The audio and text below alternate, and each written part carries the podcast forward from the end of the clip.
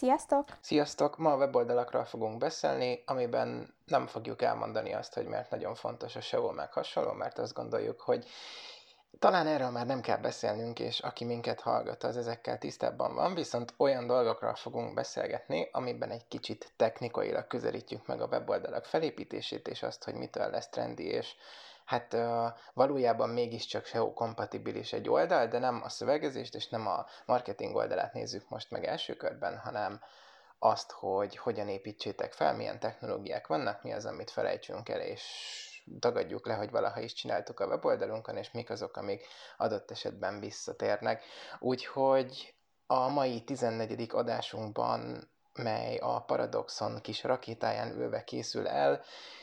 a két sofőr, hogy úgy mondjam, nem tudom, hogy hívják egyébként a, mit szoktak rájuk mondani, pilóta, vagy rakétavezető, nem tudom. Szerintem pilóta. Pilóta, pilóta. Szóval akkor a két pilóta az nem más, mint uh, Steve és Ági. Én vagyok a Steve, hogyha ezt esetleg uh, nem tudnátok, és Hát majd uh, már hallhattátok egy picit, de mindjárt megszólal Ági is, aki hát kis marketing astronautaként fog nekem remélhetőleg jó kis kérdéseket feltenni a weboldalakkal kapcsolatban, hiszen az előző hónapban, hogyha velünk voltatok, akkor generációkról beszélgettünk, és tök sok érdekes dolgot megtudhattunk, de azért kétségtelen, és ezt akkor is sokszor elmondtuk, hogy azok a témák inkább Áginak a témái voltak, viszont végre elérkeztünk a kocka hónaphoz, úgyhogy mindenki tegye a fejét a présbe, mert hó végére olyan kockák leszünk, hogy csak na. Úgyhogy ugorjunk is neki, üdvözlünk titeket, ez a Paradoxon 14. podcast adása, jelenleg Pécsről, én Steve vagyok, és papapapam, itt van velünk Ági, hello! Szia Steve!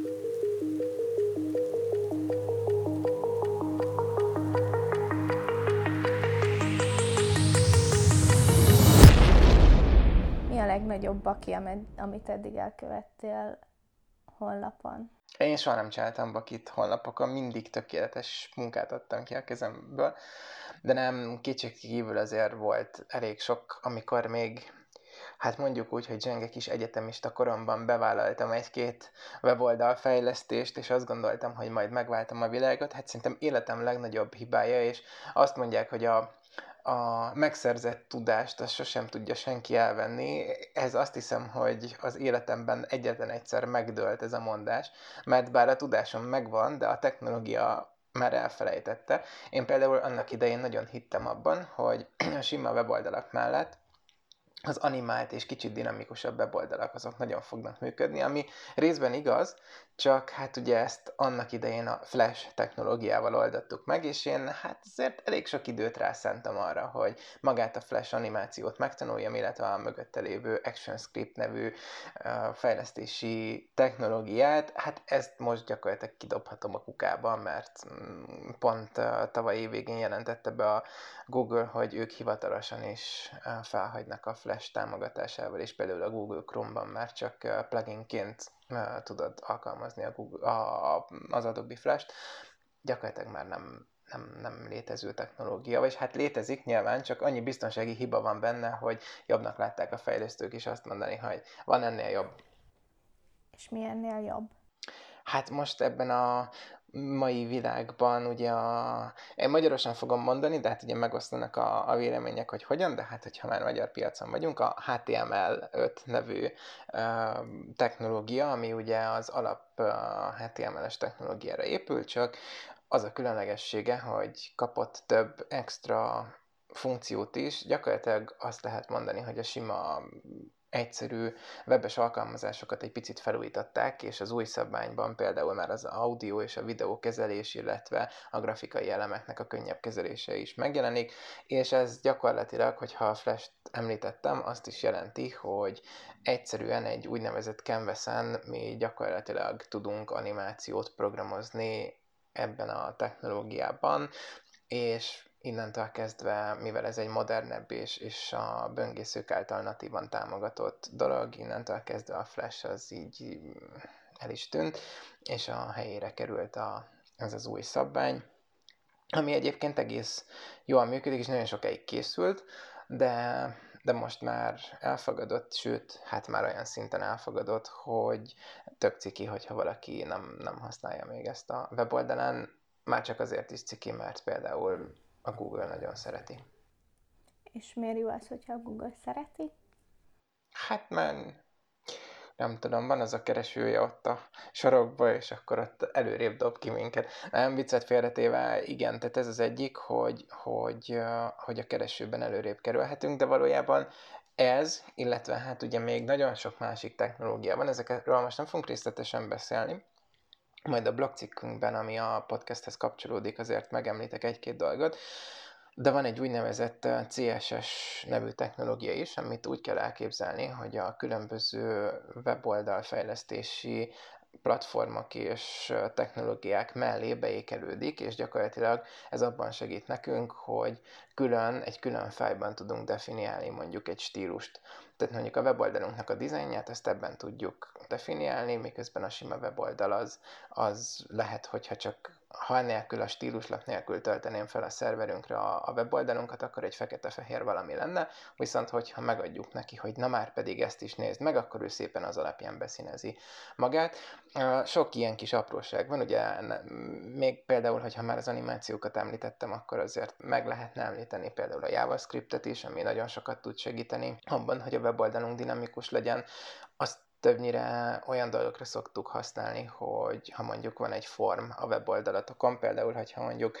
csak egy sima bemutatkozó weboldalatok van, de annyit azért dinamikusan tesztek rá, hogy mondjuk tudjanak e-mailt küldeni nektek a, a, a kapcsolat ti oldalon keresztül, akkor például az e-mail cím ellenőrzését, hogy ez valójában egy e-mail címe, azt meg lehet oldani a JavaScript-tel, azt például ilyenekre szoktuk, és akkor ezeket a, a kis technológiákat, hogyha szépen csakorba gyűjtöd, és alkalmazod, akkor így lehet egy viszonylag profi és jó weboldalt felépíteni. Plusz emellett ugye ami hát a mai világnak már az elengedhetetlen dolga, és már ezt is kicsit cikinek érzem, hogyha valakinek még meg kell említenem, de hogy, hogy azért élik a weboldalakat responsívan megcsinálni, és például ebben is nagyon sokat tud segíteni ez a szabvány.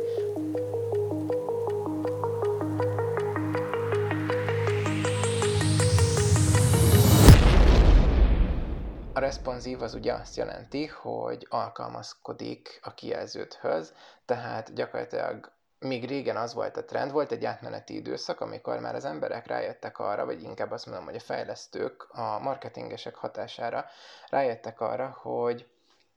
hogy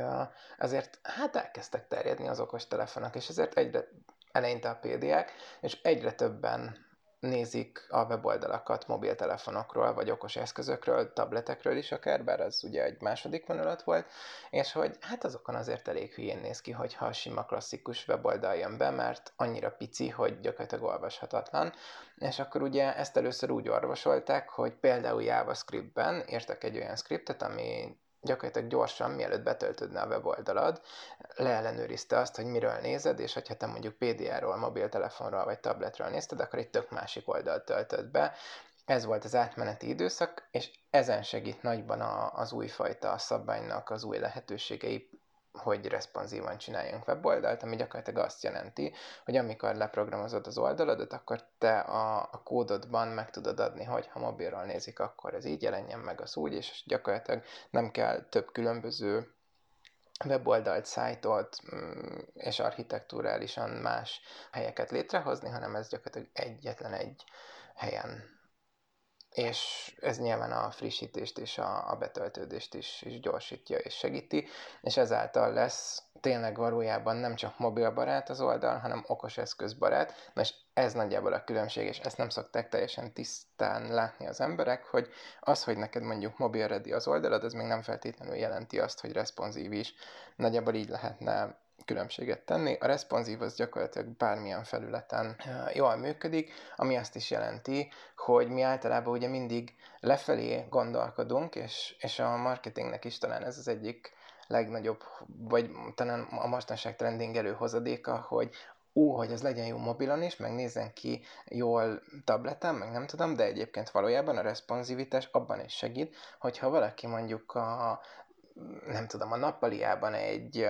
600 centis tévén nézi meg a weboldalunkat, akkor ahhoz is alkalmazkodjon. Szóval ez lefelé-felfelé kompatibilis. Na, hát nagyjából ez most, ami szerintem az egyik legfontosabb dolog a, a, a webfejlesztésben, a, hát így 2020, most már mondhatom, hogy derekán. Akkor gyakorlatilag, ha jól értem, a webfejlesztés az egy nagyon komplex, kódokkal bővített mindenféle JavaScript-ektől elkezdve különböző szabványok megfeleléséig on point kell lennie, viszont mi a helyzet akkor, hogyha egy laikus szeretne egy weboldalat összerakni? nulla fejlesztői vagy programozói tudással? Elsőre azt mondanám, hogy ne.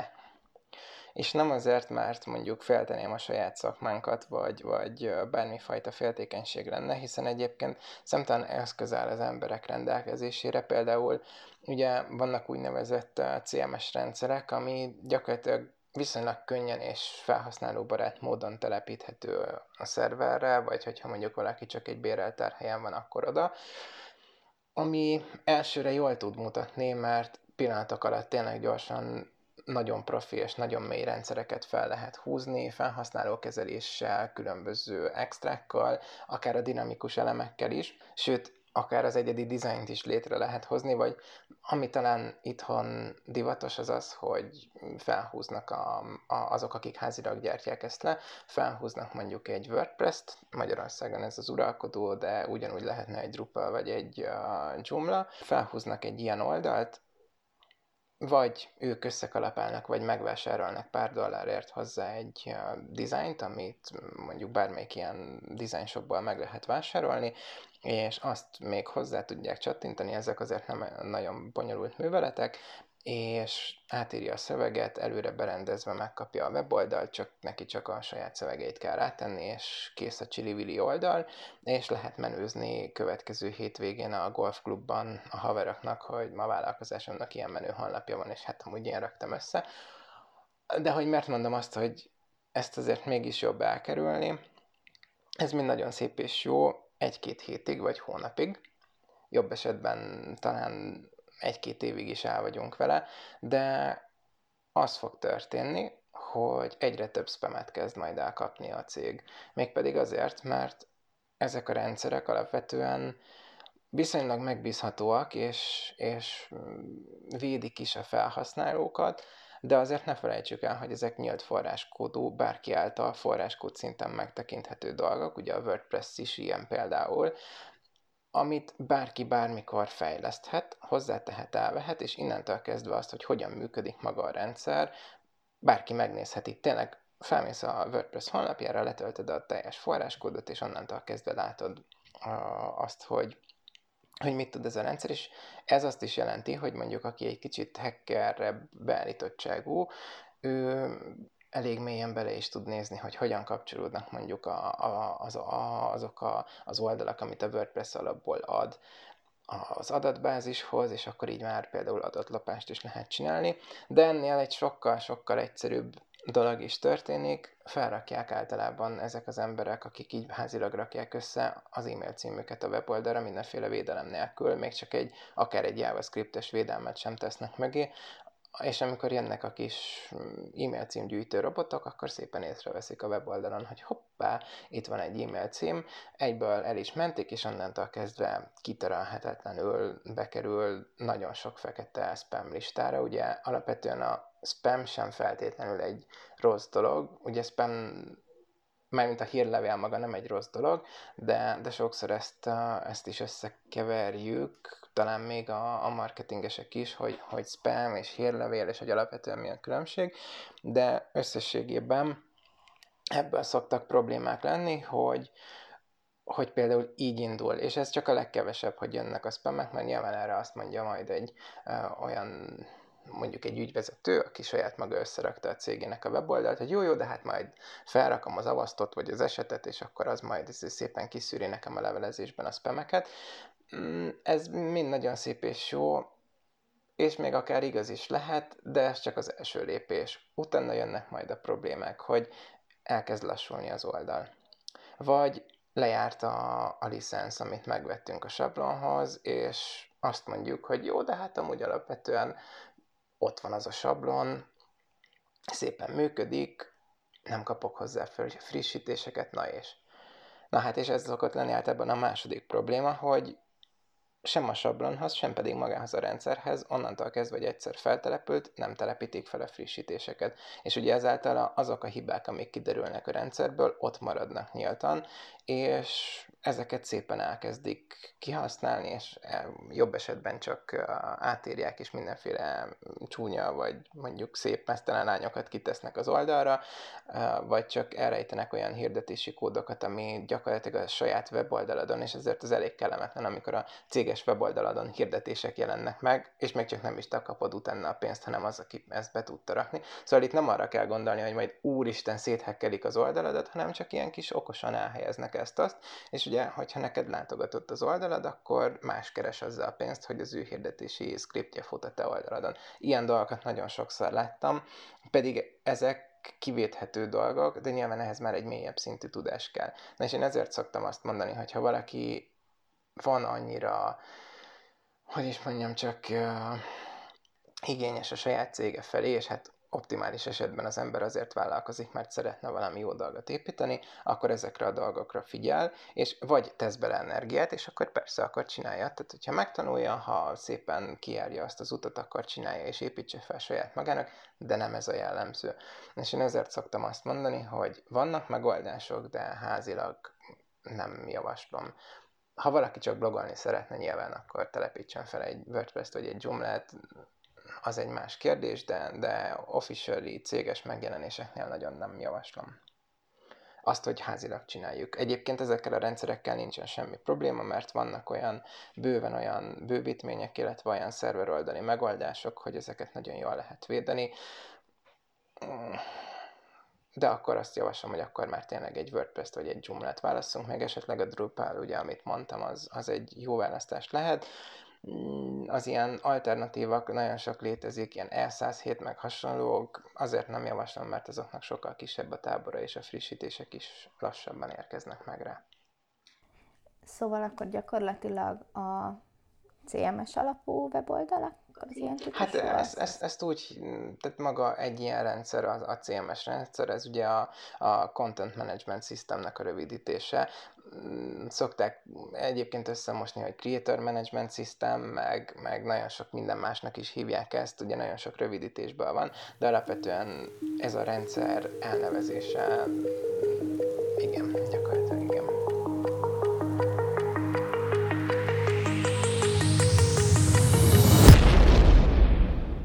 mire érdemes odafigyelni akkor, amikor te úgy döntesz, azt az elhatározást hozott, hogy oké, okay, weboldalt szeretnél. Mi a nulladik lépés? Mi az első lépés? Mire kell odafigyelni? Mert hogyha teljesen laikusról beszélünk, akkor azt fogja mondani, hogy hú, hát egy weboldal nagyon drága, nem is értem, hogy hogy, hogy mi áll mögötte, nem is tudom, hogyan fogok hozzányúlni, viszont a megjelenésemhez szükségem van rá. Hol kezdjek neki annak, hogyha én szeretnék egy oldalt, mik a legfontosabb tudnivalók, és mi az, ami alapján érdemes választani mondjuk egy olyan szolgáltatót, aki weboldal, hát most fejlesztéssel, vagy weboldal dizájnnal foglalkozik. Na hát, egy, és ezzel az utolsó kérdésedre is tapintott egy lényegre. A fejlesztés, és hogyha mondjuk egy fejlesztőt fizetünk, az sok esetben drágább, mint hogyha egy webdesignert. A webdesigner, ő valószínűleg azt tudja, hogy felrak neked egy WordPress-t vagy egy Joomla-t, és ahhoz ő tud hozzá igazítani, vagy akár adott esetben lekódolni egy, egy dizájnt, egy egyedi dizájnt. A webfejlesztő viszont egyedi modulokat is tud ehhez majd írni neked, illetve fel tudja úgy turbozni mondjuk a WordPress vagy Joomla oldaladat, hogy neked oda különböző olyan dolgok, amik alapesetben nincsenek benne, és nem is biztos, hogy, hogy mondjuk a, az alapvető kiegészítő könyvtárban találsz hozzá megoldást, azt szokta általában egy fejlesztő megcsinálni, utóbbi azért lényegesen drágább. Az, hogy hogyan indulj neki, Szerintem, hogyha valaki hallgatja most ezt a podcastet, akkor már tök jól neki indult, mert most nagyon sok információt meg fog kapni, és egy kicsit képbe kerül azzal, hogy mi fán is terem egy weboldal így 2020 tájékán. Szerintem a legjobb lépés ezután, hogyha ezt a podcastet meghallgatta, hogy írjon nekünk, És nem azért, hogy, hogy reklámot csináljak magunknak, már nyilván a podcastünk erről szól, hogy megmutatjuk, hogy mi az, amit tudunk, és hogyha ez alapján valaki szimpatikusak, valakinek szimpatikusak vagyunk, akkor megkeres, de, de azt gondolom, hogy a minta kell ebben, hogy, hogy most átjöjjön, hogy érdemes megkeresni több különböző webfejlesztő céget, és rákérdezni de már az is érdekes, hogyha egy, olyan, egy árajánlatot kér valaki. Én azt gondolom, hogy az első dolog, és ez nagyban segítség lesz ahhoz is, hogy később ne legyen mondjuk adott esetben vitás helyzet egy céggel, hogyha valaki összeírja magának első körben, hogy oké, okay, és a klasszikus módon papír, toll, ceruza, éjszaka, a barátok közt után a kis éjjeli lámpa mellett ülni és leírni a dolgokat, hogy jó, akkor nekem a vállalkozásomhoz kell egy weboldal. Mit szeretnék, hogy rajta legyen? Hogyan szeretném, hogy rajta legyen? És ezt nem kell megálmodni, hogy piros legyen, meg kék legyen, meg hol legyen, meg nem tudom, hanem csak azt, hogy azt szeretném, hogy a weboldalamon ez és ez biztosan megtalálható legyen, és ezt és ezt mondja rólam. A második lépés, amit még ehhez érdemes hozzátenni, hogy az a célom a weboldallal, hogy Alapesetben csak annyi, hogy ez, amit összeírtam első körben, ezt megtalálják az emberek, vagy mondjuk az is, hogy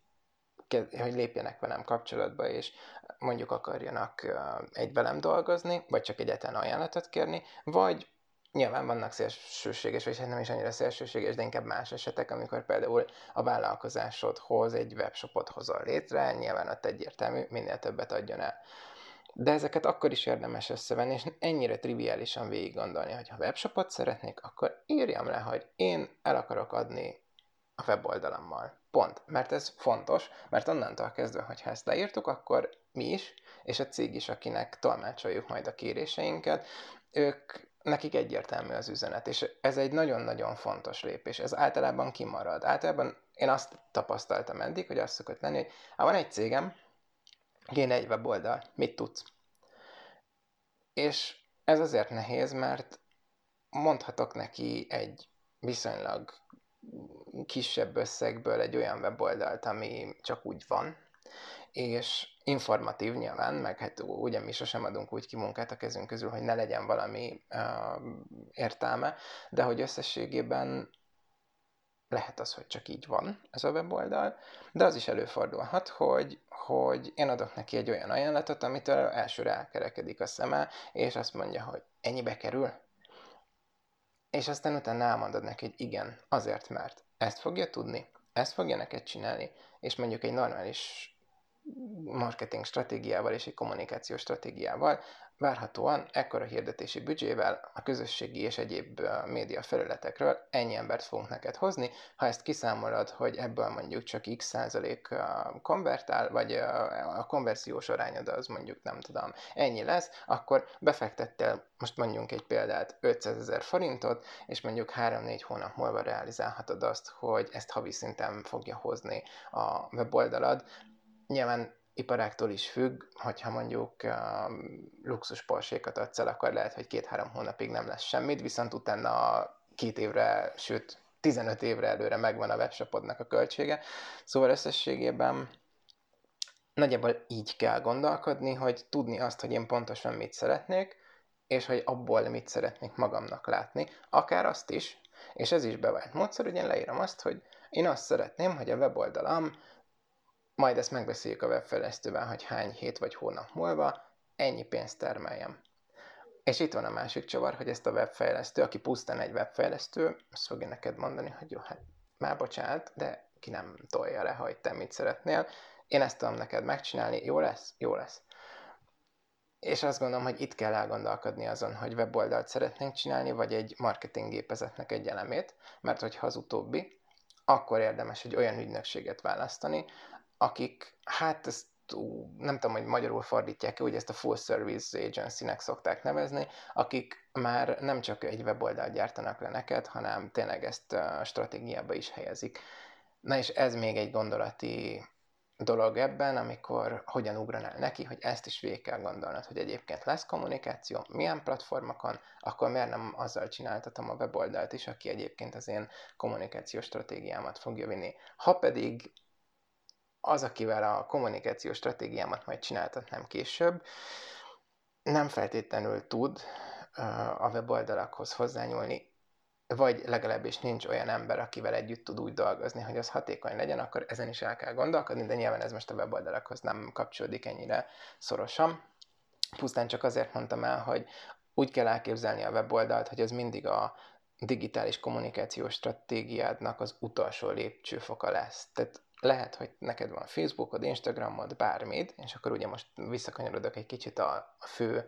elemeinkhez, a, a marketinghez, de onnan optimális esetben mindig a weboldalra fogsz landingeltetni,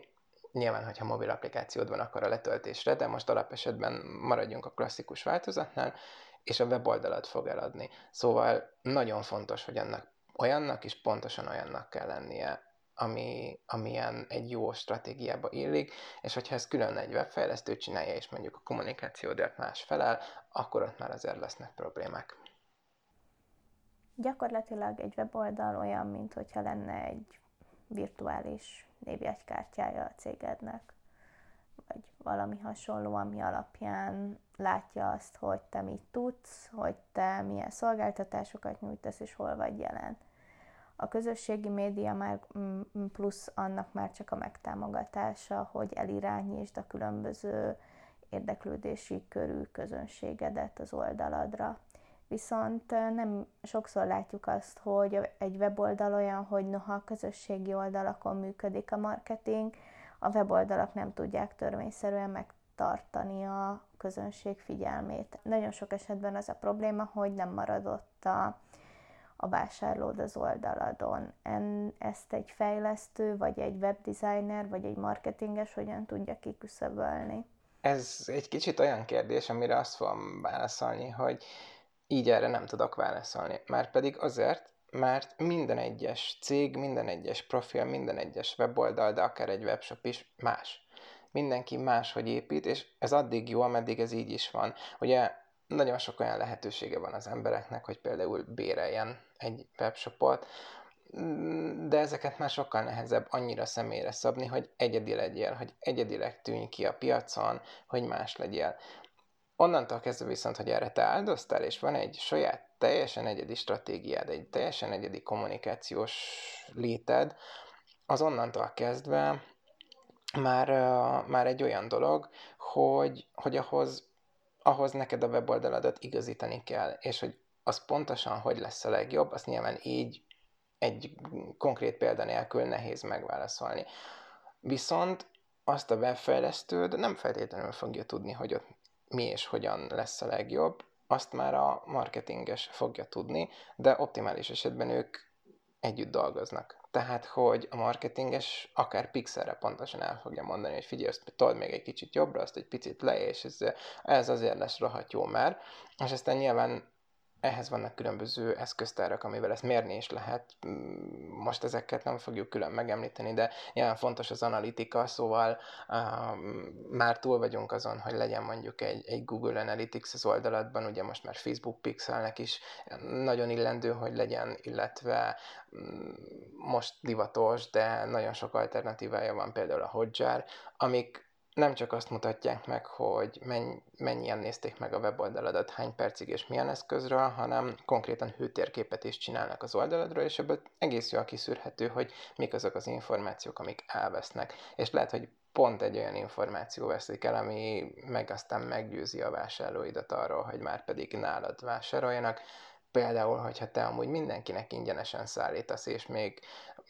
nem tudom, 5% kedvezményt is adsz a héten, de ezt picibe olyan helyre teszed, ahol nem látják, akkor nagyon sok embert el fogsz veszíteni, holott ezek ugye még mindig olyan hívószavak, az ingyenesnél jobbat szerintem a marketing sosem fog tudni kitalálni. Ha valami ingyen van, az kell. És ha csak a szállításom ingyen van, akkor ú, 5500 forintot spóroltam, akkor kell és ezzel versenyelőnybe lehet kerülni, de ezek azok a dolgok, amiket egy optimális esetben egy marketinges és egy webfejlesztő együtt rak össze és együtt találnak ki. Ezzel itt teljesen egyetértek, mert nagyon sokszor látjuk mi is azt, hogy ha valaki külső webfejlesztővel dolgozunk, akkor nem feltétlenül működik úgy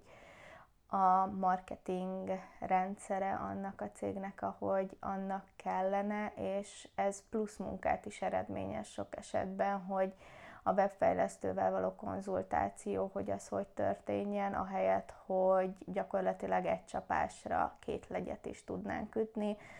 jól konvertálna a weboldalunk, a marketing is, marketing kommunikációnk is rendben működne.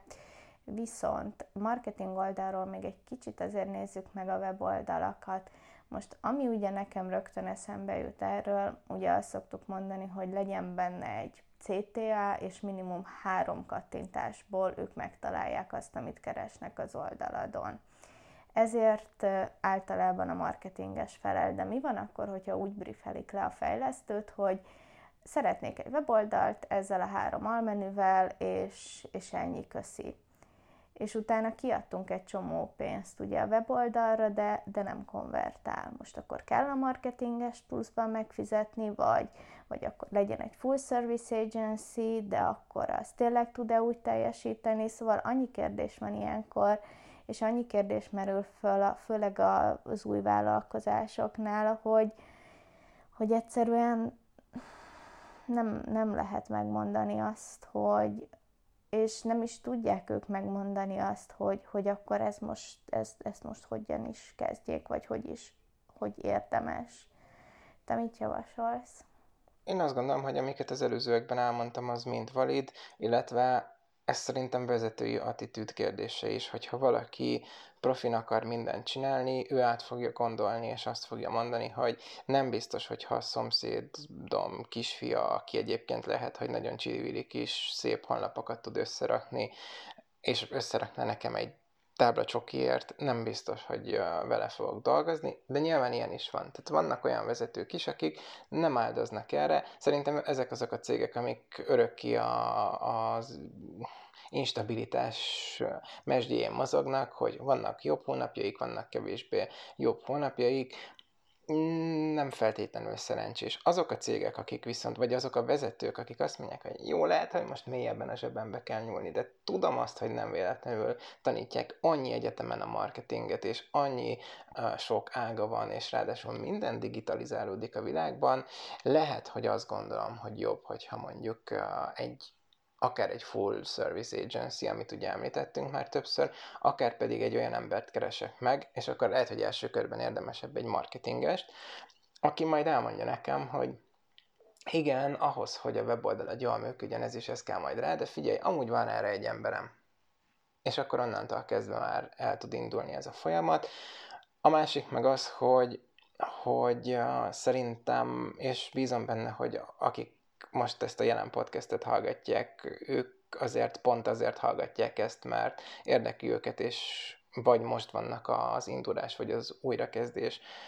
küszöbén. Én azt gondolom, hogy, hogy tényleg, és megint csak nem a reklám miatt, keressenek meg minket, és akkor ebben tudunk segíteni. Én egyébként úgy vagyok ezzel, nem szoktam mindig magunkat rábeszélni másokra, mert például vannak olyan esetek, amik, ahol tök elég egy freelancer. És tényleg tök elég egy olyan ember, aki pont annyira ért mindenhez ezekből a szakterületekből, amire egy kis cégnek szüksége van, és mondjuk egy embert meg is tud fizetni adott esetben egy kis induló vállalkozás, míg lehet, hogy egy teljes tímet már nem feltétlenül. Most ez más kérdés, hogy kinek milyen az üzleti filozófiája, ugye mi azért a KKV orientációban is szeretünk dolgozni, szóval vannak olyan megoldásaink, amiket például induló vállalkozásoknak is akár egy timmel fel tudunk építeni, de alapesetben én azt gondolom, hogy, hogy érdemes körbenézni, hogy ki mit mond magáról, ki hogyan fogalmaz azokról a dolgokról, amik például az elmúlt pár percben feljöttek velünk kapcsolatban, és mondjuk az, hogy hogyha mondjuk valaki referenciákat feltesz magáról, az tök jó. Én azt gondolom, hogy, hogy ennek a az éle is már nem olyan, Viszont, hogyha találtak olyan ügynökségeket, ahol mondjuk esettanulmányok is fent vannak, abból nagyon sokat lehet tanulni. És én azt gondolom, hogy érdemes az elején egy-két estét rászenni arra, hogy megnézzünk ilyen tanulmányokat és ilyen cégeknek a weboldalát, ahol akár a blogban, akár pedig a referencia helyett ilyen esettanulmányok fent vannak, és az alapján választani egy elindulást.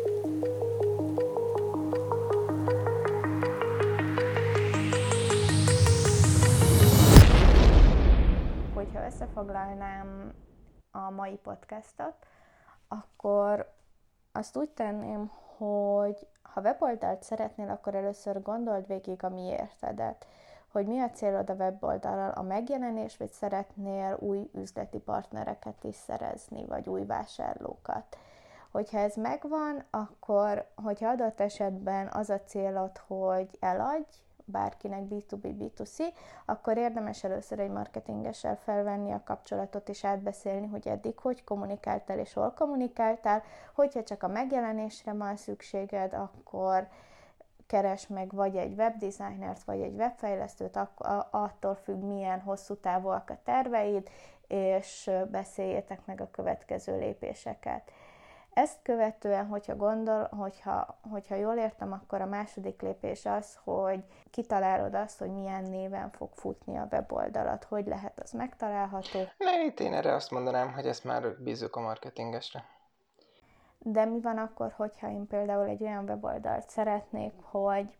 nyonyi.hu. Én azt gondolom, hogy viszonylag nagy lesz a találati lista, de nem fog jól konvertálni ezzel a névvel. Bízzuk a marketingesre. Ha esetleg játékboltod van, és akkor a nyunyóka.hu az ugye most trendi is lett az utóbbi időben,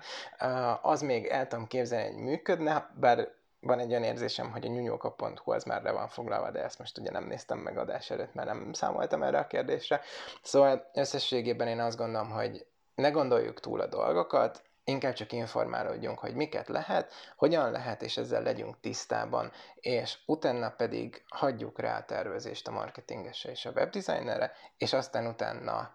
az ő leadott anyagaik alapján kérdezzünk vissza, döntsünk, vagy lehet, hogy elsőre olyat tesznek le, hogy azt mondjuk, hogy ha van a srácok, akkor ez most így mehet is, és csináljuk.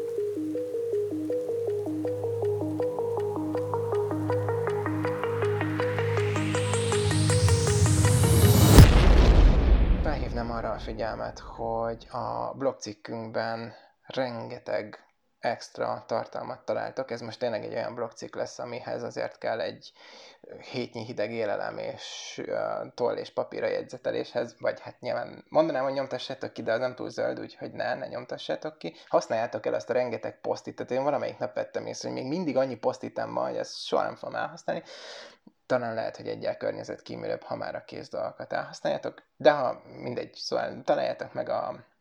vagy nézzétek meg a